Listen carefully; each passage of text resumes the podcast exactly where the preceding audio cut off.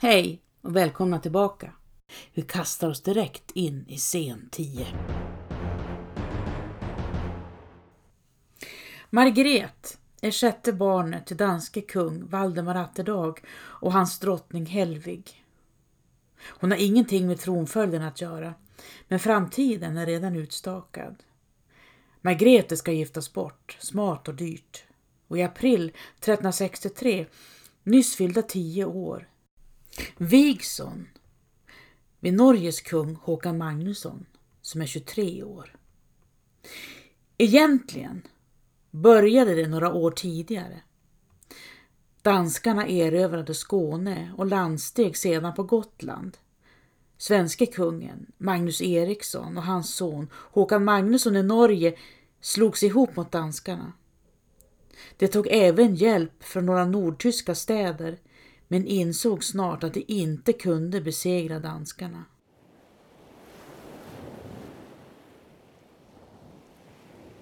Istället slöt Magnus och Håkan ett förbund med Valdemar Atterdag och i förbundet ingick äktenskapet mellan kung Håkan och Valdemars sexåriga dotter Margret.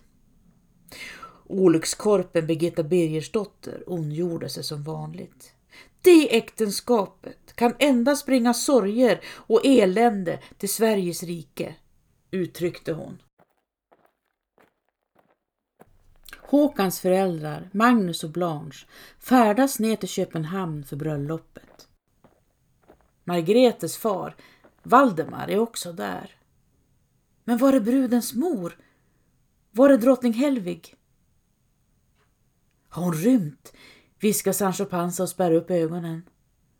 Valdemar Atterdag pekas ju ut som en brutal typ. Romantiker där, svarar Don Quixote. Men det går rykten. Vissa hävdar att Valdemar Atterdag håller drottning Helvig inlåst. Balladen om Folke Lagmansson och drottning Hillevi handlar i själva verket om fru Helvig och hennes älskare Reddar Folkvard, sägs det. Balladen? utbrister Sancho Panza. Ja, ska jag sjunga för dig? Nej tack, det behövs inte. Folke Lagmansson tjäna i konungens gård och drottningen honom och stundar. Hon låter honom göra en kjortel så god och virkar av gullet det röda. Gud nåde dig Folke lite Lagmansson, du skulle med mig av landet bortrymma.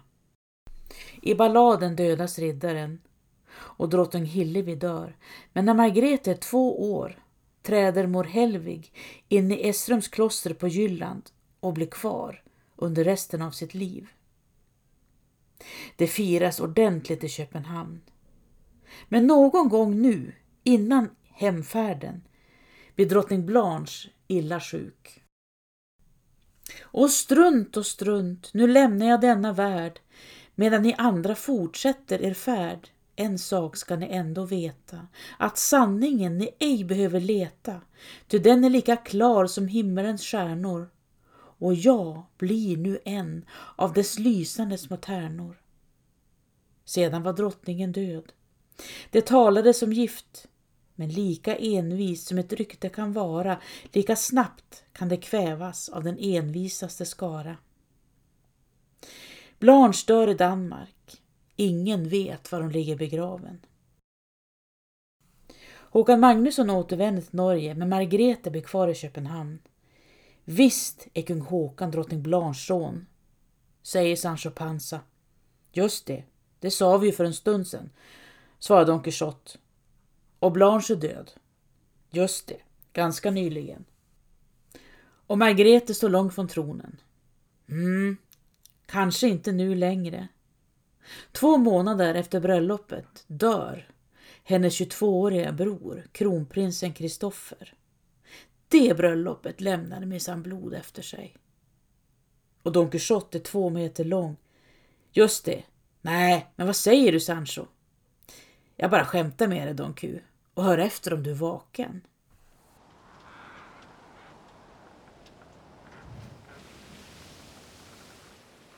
När Margarete reser till Håkan på Ackershus tre år senare är hon fortfarande för ung för äktenskap. Margarete behöver i första hand en lärare och ett rättesnöre, inte en make. Birgitta Birgersdotters dotter Märta får uppdraget att fostra henne. Fru Märtas metoder baserar sig på riset, risning och ännu mer ris. Men Margrethe får sällskap också på Ackershus av fru Märtas dotter Ingegärd. Margrethe och Ingegärd är jämnåriga och blir vänner för livet. Flickorna risas ofta, men de har kärleksfullt umgänge i sin ungdomstid.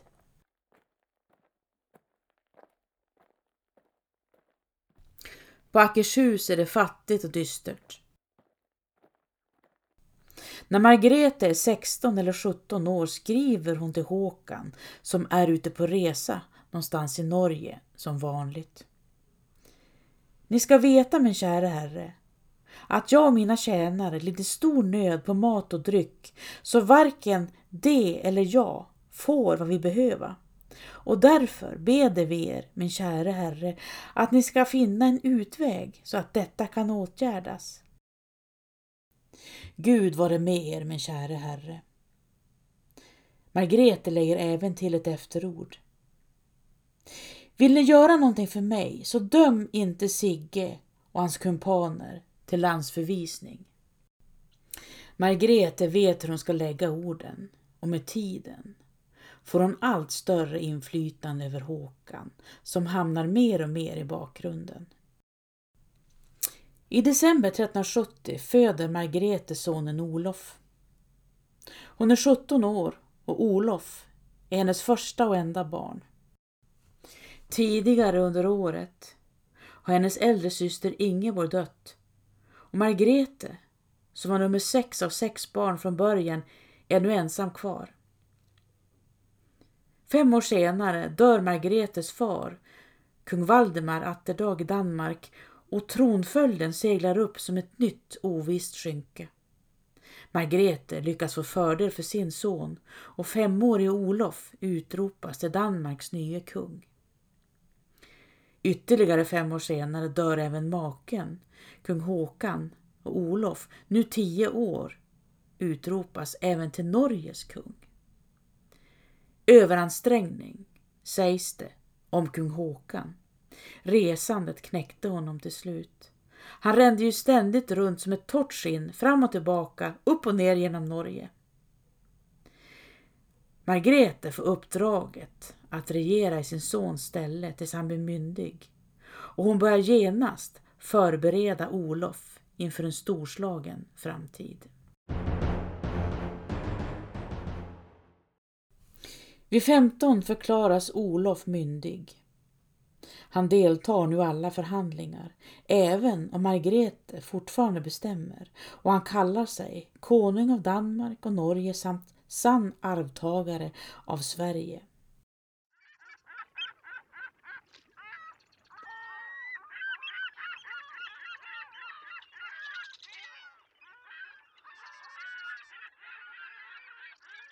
Sommaren 1387 tillbringar Margrethe och Olof i Skåne för att på nära håll följa den politiska utvecklingen.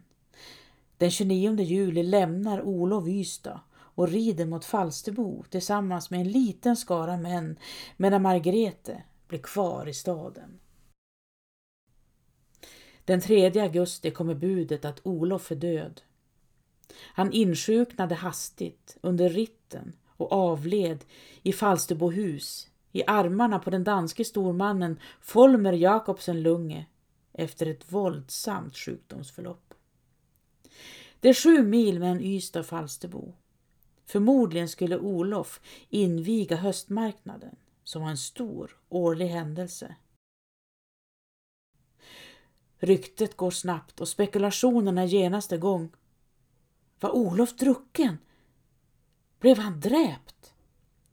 Vissa påstår att Olof drunknat medan andra hävdar att han mördats på uppdrag av sin mor, Margret, som önskar röja honom ur vägen för att själv ta all makt. Det är oförskämt, Det spåret kallnar och avskrivs med en gång, utbrister Sancho Panza. Inte skulle Margrethe mörda sitt enda barn. Danska källor skriver om sjukdom. Medan norrmännen avfärdar sjukdom och islänningarna påstår att Olof försvunnit. Margrethe reser omedelbart till Falsterbo. Spekulationerna är redan igång och för att skingra alla tvivler låter hon sonen ligga på Lideparad i Falsterbo kyrka med blottat ansikte. Lunginflammation fastställs som den officiella dödsorsaken och redan dagen efter begravs han. Delar av inälvorna placeras under golvet i Lunds domkyrka medan resten av kroppen bisätts i Sorö klosterkyrka på Själland.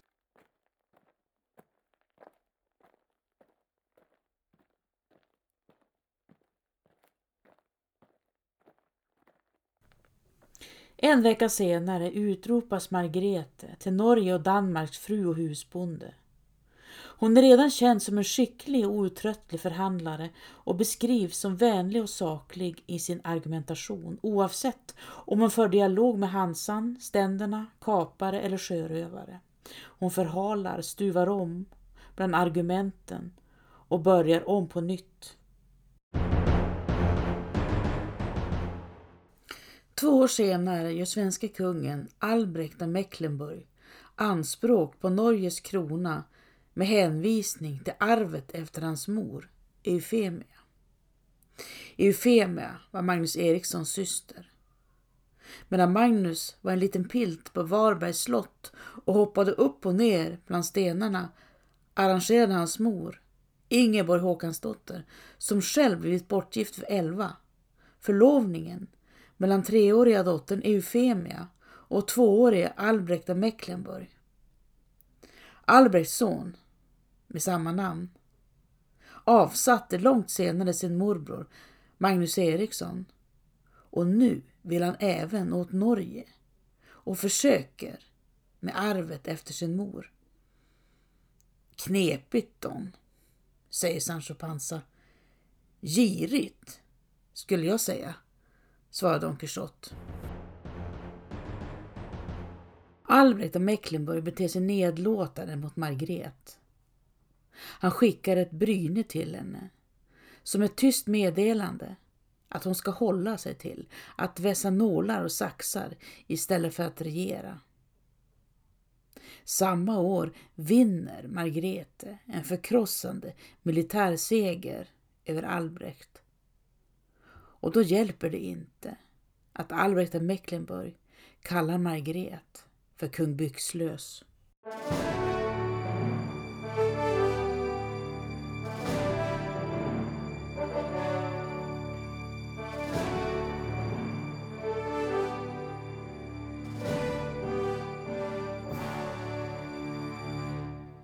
Nu regerar Margret över hela Norden. Och några år senare sammanför hon Danmark, Sverige och Norge med Island, Finland och Grönland i en union för handel, försvar, trygghet och gemenskap. Då har hon redan adopterat sin syster Ingeborgs 15-åriga barnbarn Bogislav, eller Erik som han kallas i Sverige. Och han kröns till unionskonung i Kalmar 1397. Men makten, den behåller Margret, utropar Sancho Panza. Ja, men såklart, svarar Don Quixote.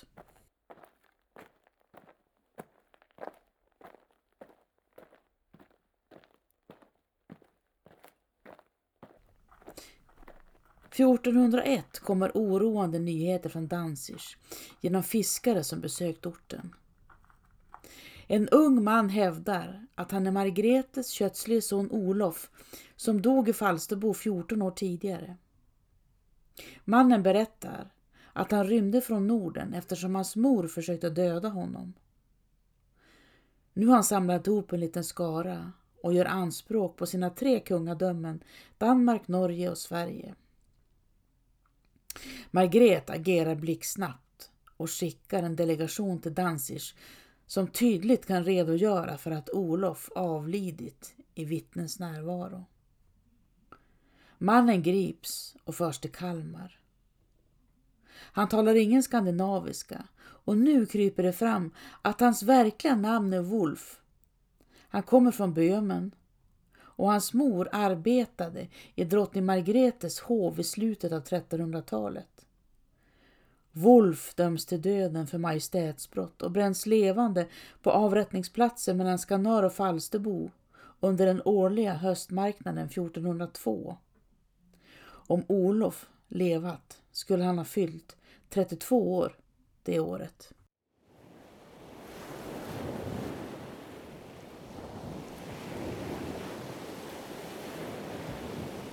I oktober 1412 reser Margret till Flensburg för att mäkla fred med de holsteinska grevarna.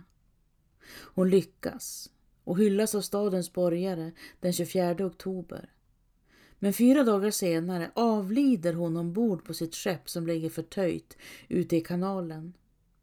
Förmodligen har hon smittats av pesten som just då rasar i staden. Till slut hinner pesten ikapp även henne. Margret får många fiender under sitt liv, inte minst inom kyrkan.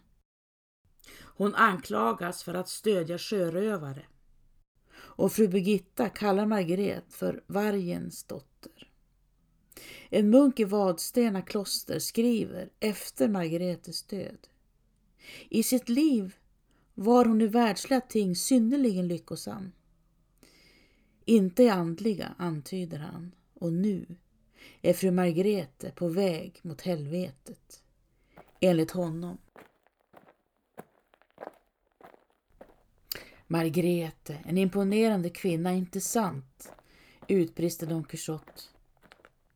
I allra högsta grad, svarar Sancho Panza, obeveklig ut i fingerspetsarna. Don Quixote och Sancho Panza färdas mot Roskilde. De kör över Öresundsbron, passerar Köpenhamn och trucklar sig fram genom motorvägsnätet. Tänk att äntligen, säger Don Quixote. Domkyrkan i Roskilde ekar, dov och hotfull, och de hinner passera många gravar innan de hittar henne. Margret vilar i sin katafalk, avbildad som en vit ängel med guldkrona på huvudet. Hennes ögon är slutna och Don Quixote kan knappt se sig mätt på henne. Vackra drottning, fantastiska människa, viskar han. Domkyrkan är nedlusad med död och Sancho Panza väser förfärad. Ta mig härifrån, än så länge tillhör vi de levande.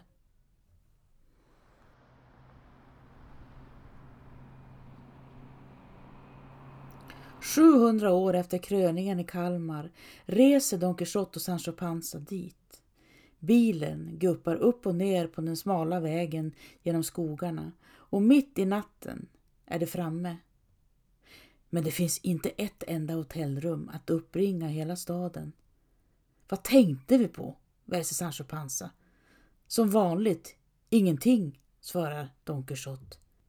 Vi skulle ha bokat rum. Sommarlovsmorgon det året, 1997, sändes direkt från Kalmar slott. Salve hette programmet, alltså Hej eller Var hälsad. Där fanns Margret, hennes kronprins Erik, riddaren i babymössan och Don Quixote skulle så gärna vilja förflytta sig tillbaka till deras tid, om det vore möjligt. Men sånt kan man ju inte säga högt. Sancho Panza går samtidigt fram och tillbaka mellan bilen och bensinmacken och pratar i telefonen. Till slut öppnas bildörren. Det finns ett rum, säger Sancho Panza. I Mörbylånga på Öland. De kör över Ölandsbron, viker söderut och när det svänger in i Mörbylånga centrum vibrerar gatorna av hög musik trots den sena timmen. Bilen liksom dansar fram och där, mitt i diskodunket, ligger rummet. Nej, säger Don Quixote bestämt. Då sover vi hellre på stranden under stjärnorna. Då gör vi det, svarar Sancho Panza och startar motorn.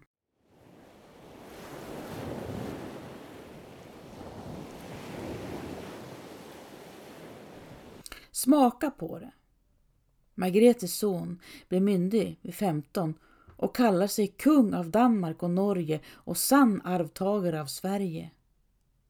Jag känner en tydlig bismak av hybris, säger Sancho Panza. Eller hur? fyller Don Quixote i. Upp som en sol och ner som ett krossat ägg. Sancho!